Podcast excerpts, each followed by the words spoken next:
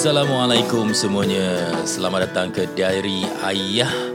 Ini adalah episod ketiga dan uh, salam pengenalan kepada semua yang mungkin baru saja bersama saya ni. Um, khususnya kepada anak-anak di Twitter yang sering uh, retweet dan share uh, tweet-tweet di twitter.com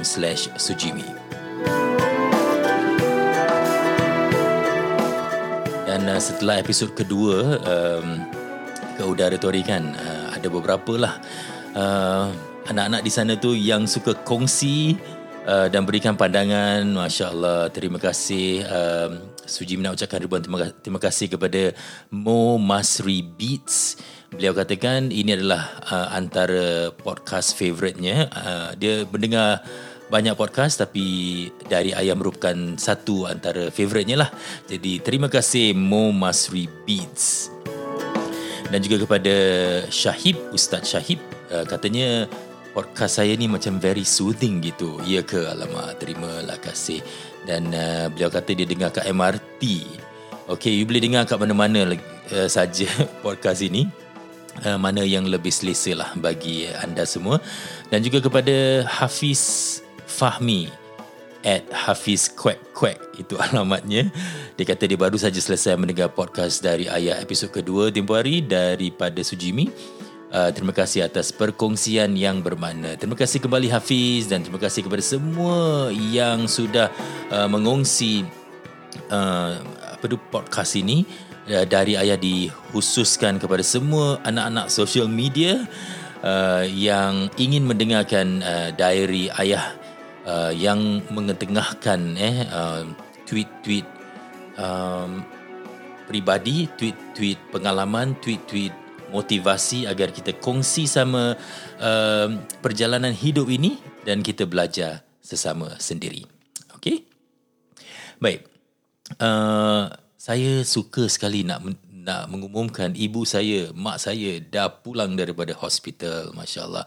Alhamdulillah. Alhamdulillah saya tahu dia happy sangat dapat pulang. Doktor kata uh, keadaannya semua sudah okey. Uh, dia perlu uh, apa tu membuat terapi, fizioterapi di, dari rumah. Jadi saya gembira sangat dapat uh, apa tu kita bawa dia pulang adik-beradik saya sekarang uh, menjaganya di rumah dan baru uh, tempoh lalu uh, minggu lalu kita jumpa dia dan uh, nampaknya dia macam happy lah. Uh, itu yang kita nak eh. Mak bapak kita happy. Uh, siapa yang masih ada lagi mak bapak? Uh, Sujimi masih ada mak tapi uh, ayah saya sudah meninggal waktu saya perkhidmatan negara.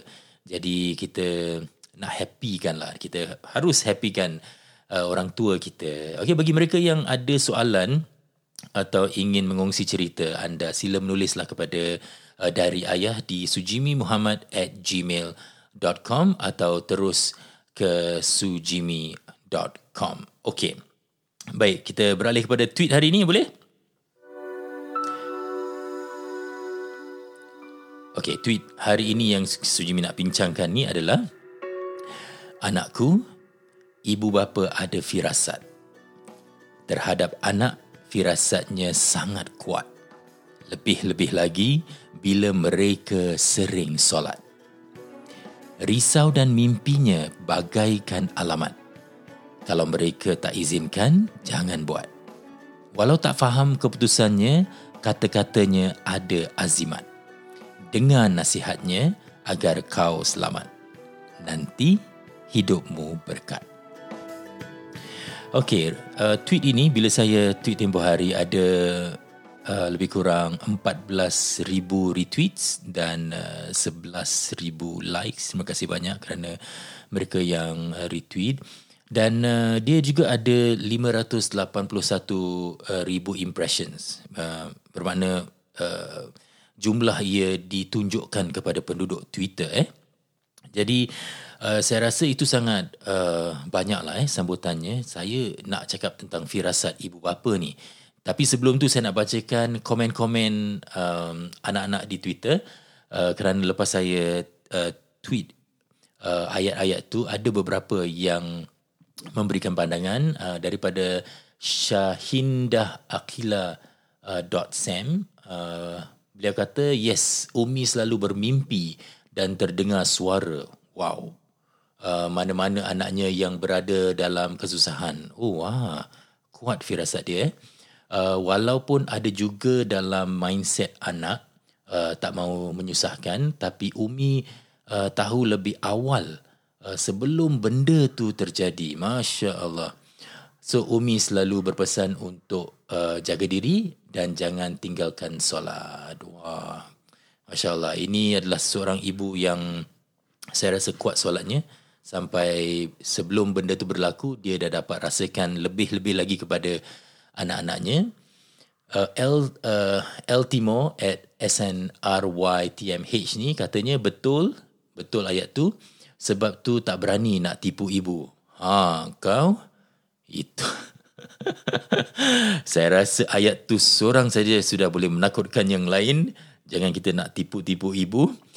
Uh, katanya lagi cara cakap tengok badan ibu dah tahu. Uh, ayat ibu selalu uh, itulah kalau ibu cakap tak nak dengar, tak percaya. Ha, padan muka aku katanya. oh, El Timo ni kelakar juga eh. Okey. Uh, Fatin Nabilah kata, uh, Fatin Nabilah kata betul selalunya kalau parents larang tapi kita buat juga mesti something bad will happen eh. Kata orang dulu macam dolak gitu eh. Uh, jadi kita dengar yang lain. Saya bacakan beberapa lagi uh, SYU uh, at SYU ATM. Wah, awak punya Twitter handle ada duit eh. ATM eh. Okay, dia kata, My dad will always have a dream of me as a sign that I will do something bad. Dulu masa tengah rebel eh. Wah, dulu eh. Sekarang saya harap tak rebel lah. Dulu masa tengah rebel, mak pernah call kakak dekat asrama ke ayah mimpi kakak Masa tu nak curi-curi keluar without informing them. Oh. Wah, ini seorang ayah yang saya rasa rapat dengan anak-anaknya. Jadi dia macam dapat rasakan kat mana anak dia dia nak keluar tanpa izin dan sebagainya. Wah, dahsyat eh. Um, saya baca satu lagi sebelum kita teruskan. Uh, kata Rin at Shuk Nina. Uh, yes, betul. I learn a lot dari kecil lagi. Kalau my mom kata jangan buat but me stubborn still buat, it will end up problematic. Really problematic here and there. Allah kasih uh, Allah kasih lebihnya firasat ke ibu bapaan ini especially kepada emak. Okay, baik. Terima kasih kepada semua yang uh, sudi memberi komen di tweet saya ini uh, ada yang tanyakan kalau uh, Azwan tanya kalau mak bapaknya jenis tak solat macam mana? Ah itu mari kita bincang eh. Uh, kita bincangkan apa uh, perkara tentang firasat ni. Uh, tapi sebelum tu lah saya rasa macam sesuai kalau saya membuat uh, definisi apakah itu tafsiran istilah firasat.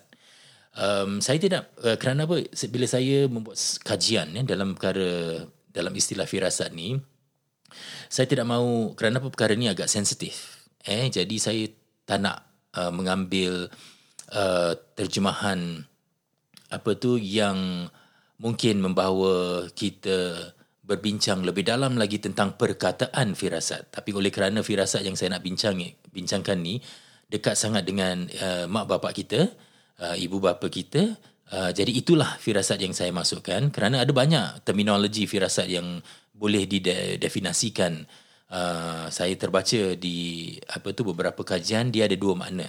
Satu iaitu firasat ini bidang ilmu pengetahuan uh, mengenai tanda-tanda uh, pada muka badan dan lain-lain untuk mengetahui kelakuan atau nasib orang. Dan yang kedua perasaan hati bahawa akan terjadi sesuatu sesudah melihat tanda-tanda begitu. Dan uh, Terjemahan ini saya dapat daripada conference.kuis.edu.my slash uh, irshad. Um, istilah yang saya maksudkan di sini adalah uh, kena mengena sangat dengan mak bapak kita. Maksudnya mak bapak kita, mereka ada tanda, ada isyarat, ada perasaan ataupun ada mimpi, alamat eh, yang boleh menolong kita Uh, itulah yang saya maksudkan bukan uh, firasat orang yang tidak mengenali kita tapi firasat orang yang sangat rapat pada diri kita. Baik, um, dulu saya ada seorang teman nama dia Maria J. Eh, saya ada buat satu uh, dokumentari mengenai Maria J ni. Maria J ni asalnya lelaki. Tetapi dia mengambil keputusan untuk menukar jantinanya. Uh, dan dia dalam dokumentari itu uh, dokumentari itu bernama uncensored eh. Uh, ratingnya M18 saya terbitkan lama dulu. Dan ia sedang di apa tu uh, ada di vimeo.com uh, screen box lah eh. Maria J ni beritahu saya apa tahu dia menukar jantinanya di Thailand. Ah jadi dia beritahu saya dalam temu ramah tu dan dia ada dalam DVD tu dia kata bila dia buat keputusan tu kan ibu dia telefon dia. Waktu tu ibu dia masih ada tapi hari ini ibunya sudah meninggal. Jadi ibunya uh, ada berbual dengan dia di telefon. Dan dia kata apa tau? Dia cakap uh, Maria mak mimpi tau. Mak mimpi yang kau dikelilingi doktor Ha, tak ke naik bulu roma kita eh. Bila anak nak buat sesuatu, mak dia tahu dulu. Jadi mak dia dah dah telefon dia, dah cakap dengan dia. Jadi dia pun rasa macam wow, mak dia dah tahu. Tapi uh, Maria meneruskan um, pembedahan tu dan uh, kisahnya ada saya ceritakan di DVD uncensored anda boleh apa tu carilah di vimeo.com on demand Uh, cuba cari uncensored uh, screen box. Uh, insyaallah mungkin jumpa di situ. Jadi bayangkan eh seorang ibu tu memang mereka dapat satu alamat. Mereka diberitahu macam diberitahu dulu tu. Uh, dan ayat yang ayat tweet saya tu saya ada katakan lebih-lebih lagi bila mak kita atau bila bapa kita tu sering solat. Ha, mengapa benda ni uh, penting? Eh kerana kita tahu kalau uh, dalam mak bapak kita tu memang rapat dengan kita eh. Apa saja gerak-geri kita tu mereka tengok muka je dia dah tahu. Ha nanti saya nak ceritakan lah apa uh, tanda isyarat yang mak saya ada uh, berikan kepada saya dulu eh. Daripada saya muda sampai uh, hari ini. Walaupun saya sudah apa tu membuat uh, perniagaan dan sebagainya sampai hari ini dia tak lepas memberitahu saya uh, alamat ataupun uh, apa tu firasat lah dia eh. Jadi dia dapat membantu saya. Um, satu perkara yang dulu saya bila baru-baru uh, nak buat apa tu nak buka perniagaan saya uh, tanya ibu saya tau macam 2 3 tahun saya nak buka uh, perniagaan saya tanya dengan ibu saya saya cakap mak saya nak berhenti kerja uh, boleh tak itu baru dalam 2 3 tahun saya bekerja mak saya terus cakap dia, dia selalu okey Satunya saya nak tenangkan kepada uh, orang ramai ni, mak saya ni dia sering bangun malam. Uh, karakter mak saya ni sifat dia ni dia sering uh, bangun malam dan dia tak lepas lah zikir dia. Zikir dia masya-Allah kuat sangat. Saya tak boleh lawan. Uh, malah kita anak anak 15 orang ni kalau kita combine zikir kita pun tak samalah dengan mak kan. Pasal apa dia malam dia uh, sering bangun malam tak jarang tidur dan dia zikir lama dan sebagainya. Jadi dia bilang dengan saya jangan berhenti dulu. Uh, dia tak bilang kenapa tapi dia cakap jangan berhenti dulu. Jadi saya uh, dengarlah pada waktu tu saya betul-betul dengar saya cakap okey. Saya tak berhenti dulu. Saya teruskan kerja saya dah tujuh tahun gitu saya jumpa dia kembali. Uh, saya katakan mak saya uh, nak uh, berhenti kerja. Saya nak um, buat perniagaan. Jadi kali ni dia tengok muka saya, dia terus macam happy. Dia cakap, okay, kalau nak berhenti kerja, nak buat perniagaan, uh, dia kata gini, ikut rasa hati. Ah, jadi bila kita dengar uh, mak kita sendiri kata ikut rasa hati tu maknanya dia dah reda. Dia dah reda, jadi kita pun rasa macam okay, best. Jadi bila saya uh, bincangkan perkara ni dengan isteri saya dan sebagainya, dan isteri saya juga setuju, uh, saya terus katakan okey saya mulakan. Dan malah bila ibu kita setuju kita macam apa tu uh, diberkatilah. Ah uh, diberkati. Okey kalau anda dengar macam ada bunyi kapal terbang tu saya tak tahu apa bunyi tu tapi saya macam terdengar bunyi tu. Okey. Uh, yang kedua firasat ibu saya bila dia berikan kepada saya ni kali ini saya tak dengar Uh, bukan saya tak dengar, saya macam uh, bukan saya reject eh tapi saya rasa macam agaknya lah bagi diri saya tu bukan perkara yang uh, penting ke ataupun perkara yang harus saya lakukan serta-merta. Okay. Pada satu kali tu, saya buka kedai. Eh, saya buka kedai uh, menjual DVD. Menjual DVD. Jadi bila mak saya dengar keputusan saya nak buka kedai, dia cakap apa tau? Dia cakap, Mi, mak rasa kan, kau jual benda lain lagi bagus lah. Kau jangan jual DVD ni. Jadi, uh, saya tanyalah, mak jual apa mak? Jual buku lah, dia cakap. Jual buku, uh, buku agama ke, buku bercampur-campur, buku yang boleh memanfaatkan orang lah. Jadi saya macam uh, tak tergerak lah nak buat benda tu. Masya Allah, dua tiga bulan eh, selepas ibu saya katakan gitu, the DVD market crash. Ada kegawatan um, dalam pasaran DVD. Kalau ingat dulu bila Netflix masuk kan, uh, DVD market pun uh, menjunam. Jadi tengok, bayangkan eh, uh, firasat uh, mak kita dah ini tau, dah ada tau. Jadi uh, oleh kerana kita tidak uh, melakukannya jadi kita sendirilah yang rugi ya dan saya dapati kerugian yang masya-Allah banyak sangat di daerah tu. Jadi saya pun kata wah ini tak boleh jadi. Saya mesti nak dengar uh, kata mak saya.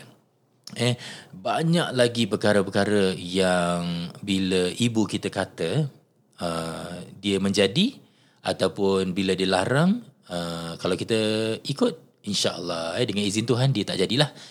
Um, dia uh, satu perkara lagi saya saya dapati uh, ada orang kata ya firasat tu macam uh, mulut masin. Uh, ada tak pernah dengar istilah mulut masin ni? Mulut masin ni maksudnya kalau cakap jadilah. Uh, memang betul lah cakap tu doa kan. Malah kita punya buah fikiran kita ni pun um, merupakan doa. Itu saya rasa saya adakan satu podcast lagi tentang uh, cakap dan doa, uh, cakap dan fikiran, buah fikiran yang menjadi doa tu itu satu perkara yang penting juga. Jadi uh, pernah ibu saya dia menyebut sesuatu lah. Dia menyebut sesuatu. Uh, dia kata uh, di Mekah saya pernah pergi di, di Mekah tu. Uh, di Mekah ni saya nak ceritakan sikit. Bila saya dulu uh, dalam episod kedua saya ada katakan saya menjual rumah kan bila menjual rumah tu untuk membantu perniagaan. Tapi oleh kerana penjualan tu adalah penjualan yang baik saya dapat sedikit untungan di situ saya bawa seluruh keluarga saya isteri saya anak-anak saya dan ibu saya saya bawa mereka ke uh, Mekah untuk menunaikan umrah. Jadi bila di sana setelah kita bawa dan uh, saya dapati saya seorang menjaga uh, lima orang wanita kan termasuk ibu saya. Saya macam penat lah. Jadi satu hari tu saya duduk di depan Kaabah di hotel depan Kaabah uh, hotel kita. Dan mak saya tengok dia jauh tau. Dia macam dah tahu je tau apa anak dia dia tengah fikir-fikir ni. Dia ada datang dekat dengan saya. Dia kata dalam hati saya ni eh, saya nak cerita ni depan Kaabah eh. Dalam hati saya saya ada macam mengadu lah. Dalam hati saya cakap eh, eh penat eh penat aku. Uh, dah, dah, dah habis umrah dan sebagainya saya rasa macam penat. Jadi saya macam terdetik sedikit lah hati kita cakap penat. Mak saya terus duduk sebelah saya dia kata Mi mak tahu tau kau penat. Masya Allah baru hati saya menyebut dia dah dia dah terus menyuarakan apa yang saya rasa. Dia cakap mak tahu tau kau penat. Hmm, tapi kau jangan risau apa yang kau bantu mak, satu bakul kau bantu mak, Allah balas tujuh keranjang. Tujuh bakul lah maksudnya, Masya Allah. Ibu kita ni tahu. Ya, ibu kita tahu, malah dia katakan saya di depan Kaabah ni dikatakan apa tahu. Selepas kita dah berbincang tentang umrah dan sebagainya, dia sebut satu alamat lagi, dia cakap apa Mi? Mak kata, mak rasa kan kau buka syarikat pelancongan ni bagus lah. Pasal mak tengok kau boleh buat. Ah, saya syarikat saya syarikat media dah 20 tahun saya buat. Jadi tiba-tiba dia kata kau buka lah satu syarikat pelancongan. Uh, bila dia sebut benda tu di depan Kaabah bila dia menyarankan anda tak akan percaya apa yang berlaku selepas itu. Saya pun macam tak percaya. Selepas dia sebut benda tu macam-macam berlaku. Saya mula mengenali tourism board. Saya mula mengenali orang-orang dalam pelancongan. Saya mula membuat travel. Uh, saya dah buat travelog dah banyak. Tapi travelog saya menjadi viral. Dan ia merapatkan saya dengan orang-orang yang perlu saya tahu. Lama kelamaan saya dapat investor dan investor ini termasuk orang Korea dan sebagainya. Macam-macam investor ada. Mereka buat pelaburan dan um, hari ini kita ada syarikat yang bernama Dreamcation Cruises and Tours dan dah dua tahun pun syarikat ni. Jadi bayangkan eh bila ibu kita, mak kita dia rasa sesuatu dan dia katakan kepada kita uh, jangan uh, kita uh, tidak indahkan, kita fikirkan baik-baik, kita pertimbangkan dan insyaallah kalau kita dengar kata dia tu, dia akan uh, ibu kita ni Uh, dia ingin yang terbaik lah untuk kita. Malah kita satu hari menjadi menjadi orang tua. Uh, saya dah ada anak bagi mereka mungkin bagi anak-anak yang di social media ni mungkin belum ada yang uh, ada cahaya mata dan sebagainya ataupun baru bernikah satu hari nanti anda juga akan menjadi ibu anda juga menjadi bapa dan anda juga ada firasat ini jadi kita harus mengambil kesempatan kita ni uh, untuk belajar daripada mak bapak kita tadi ada yang orang katakan Uh, kalau tak buat kalau buat juga mak kata jangan nanti ada benda yang tak baik. Itu memang masya-Allah saya dah nampak dah banyak tau. Saya dah nampak dah banyak orang-orang terdekat saya orang-orang yang jauh. Mereka um, tidak mendengar tidak mendengar uh, nasihat uh, ibu bapa mereka atau orang tua mereka yang terjadi sebaliknya dahsyat. Eh dahsyat sekali. Jadi um, saya tidak mahu menceritakannya kerana tiap-tiap kali saya mengingat cerita-cerita itu saya menjadi takut. Ah, ada yang um, terkena macam-macam eh. Jadi yang pentingnya kita dengar, kita dengar. Ada yang tadi katakan Azwan katakan kalau mak bapak kita tak solat macam mana? Ah, okey.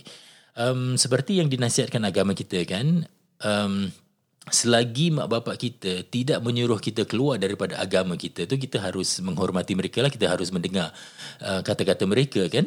Jadi uh, kadang-kala walaupun mereka tidak mungkin solat apa yang mereka nasihatkan kita itu baik kita ambil dalam pertimbangan kita. Dan kita buat pertimbangan kita sendiri kerana nasihat itu baik firasatnya baik tetapi kalau firasatnya itu uh, terkeluar daripada apa yang kita yakini dan apa yang kita percaya, um, termasuk agama kita itu, ah itu kita harus membuat uh, uh, perbandingan dan kita pandai-pandailah eh uh, membuat keputusan di situ. Jadi pernahkah uh, anak-anak di sana tu yang sedang mendengar podcast ini, adakah anda ada cerita-cerita tentang firasat mak bapak, firasat orang tua? Sila tulis kepada saya saya ingin membacakan kepada orang-orang di luar sana ni.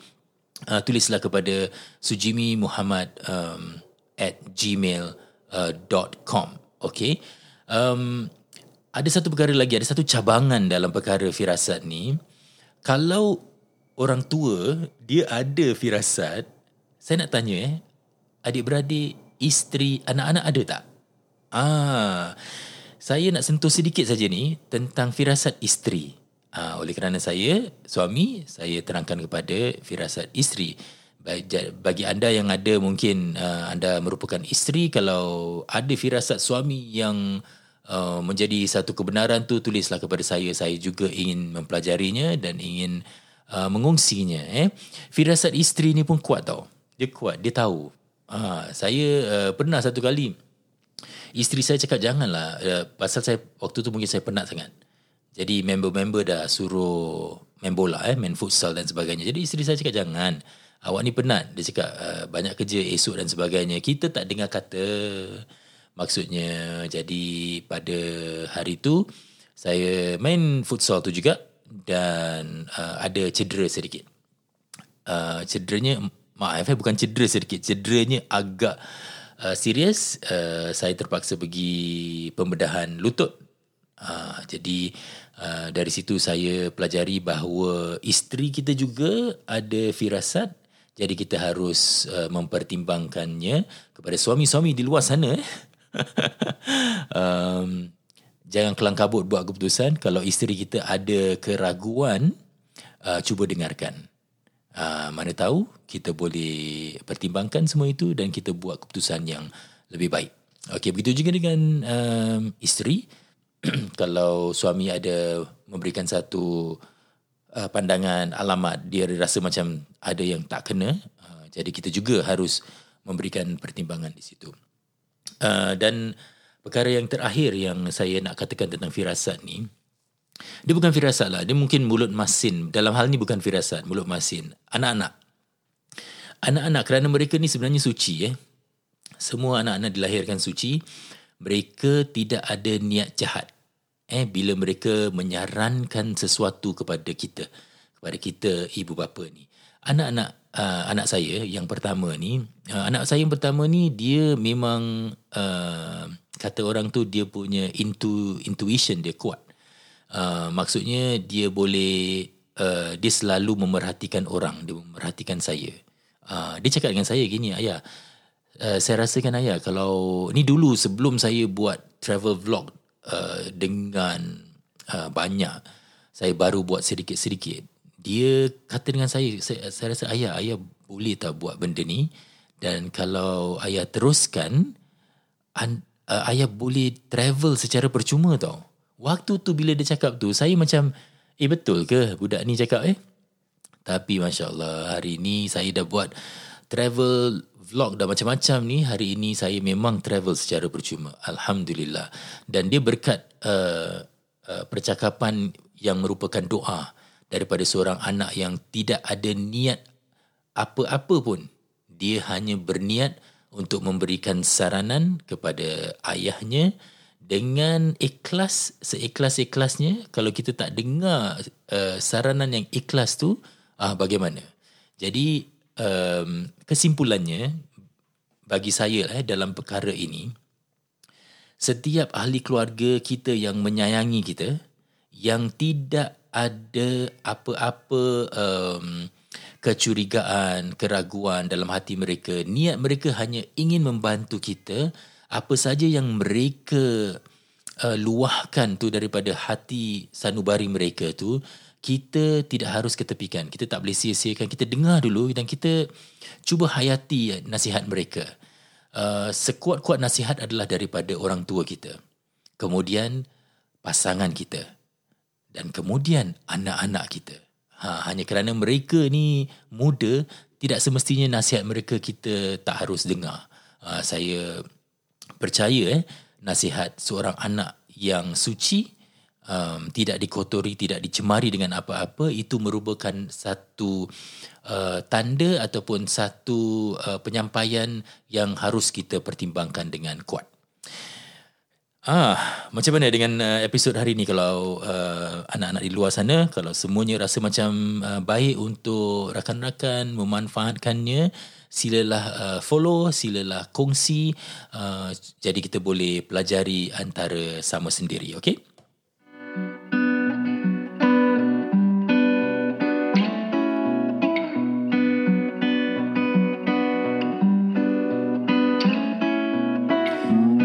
Okey, yang penting kita mesti lihat daripada siapa kata-kata alamat itu hadir. Okey, lihat siapa yang katakan nasihat-nasihat itu. Kalau datang daripada ibu bapa mereka lah yang terdekat eh. Kita mesti pertimbangkan dan jangan kita tak indahkan. Okey baik.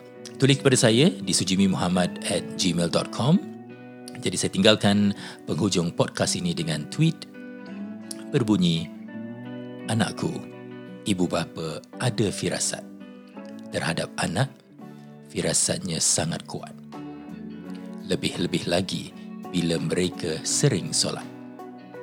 Risau dan mimpinya bagaikan alamat. Kalau mereka tak izinkan, jangan buat.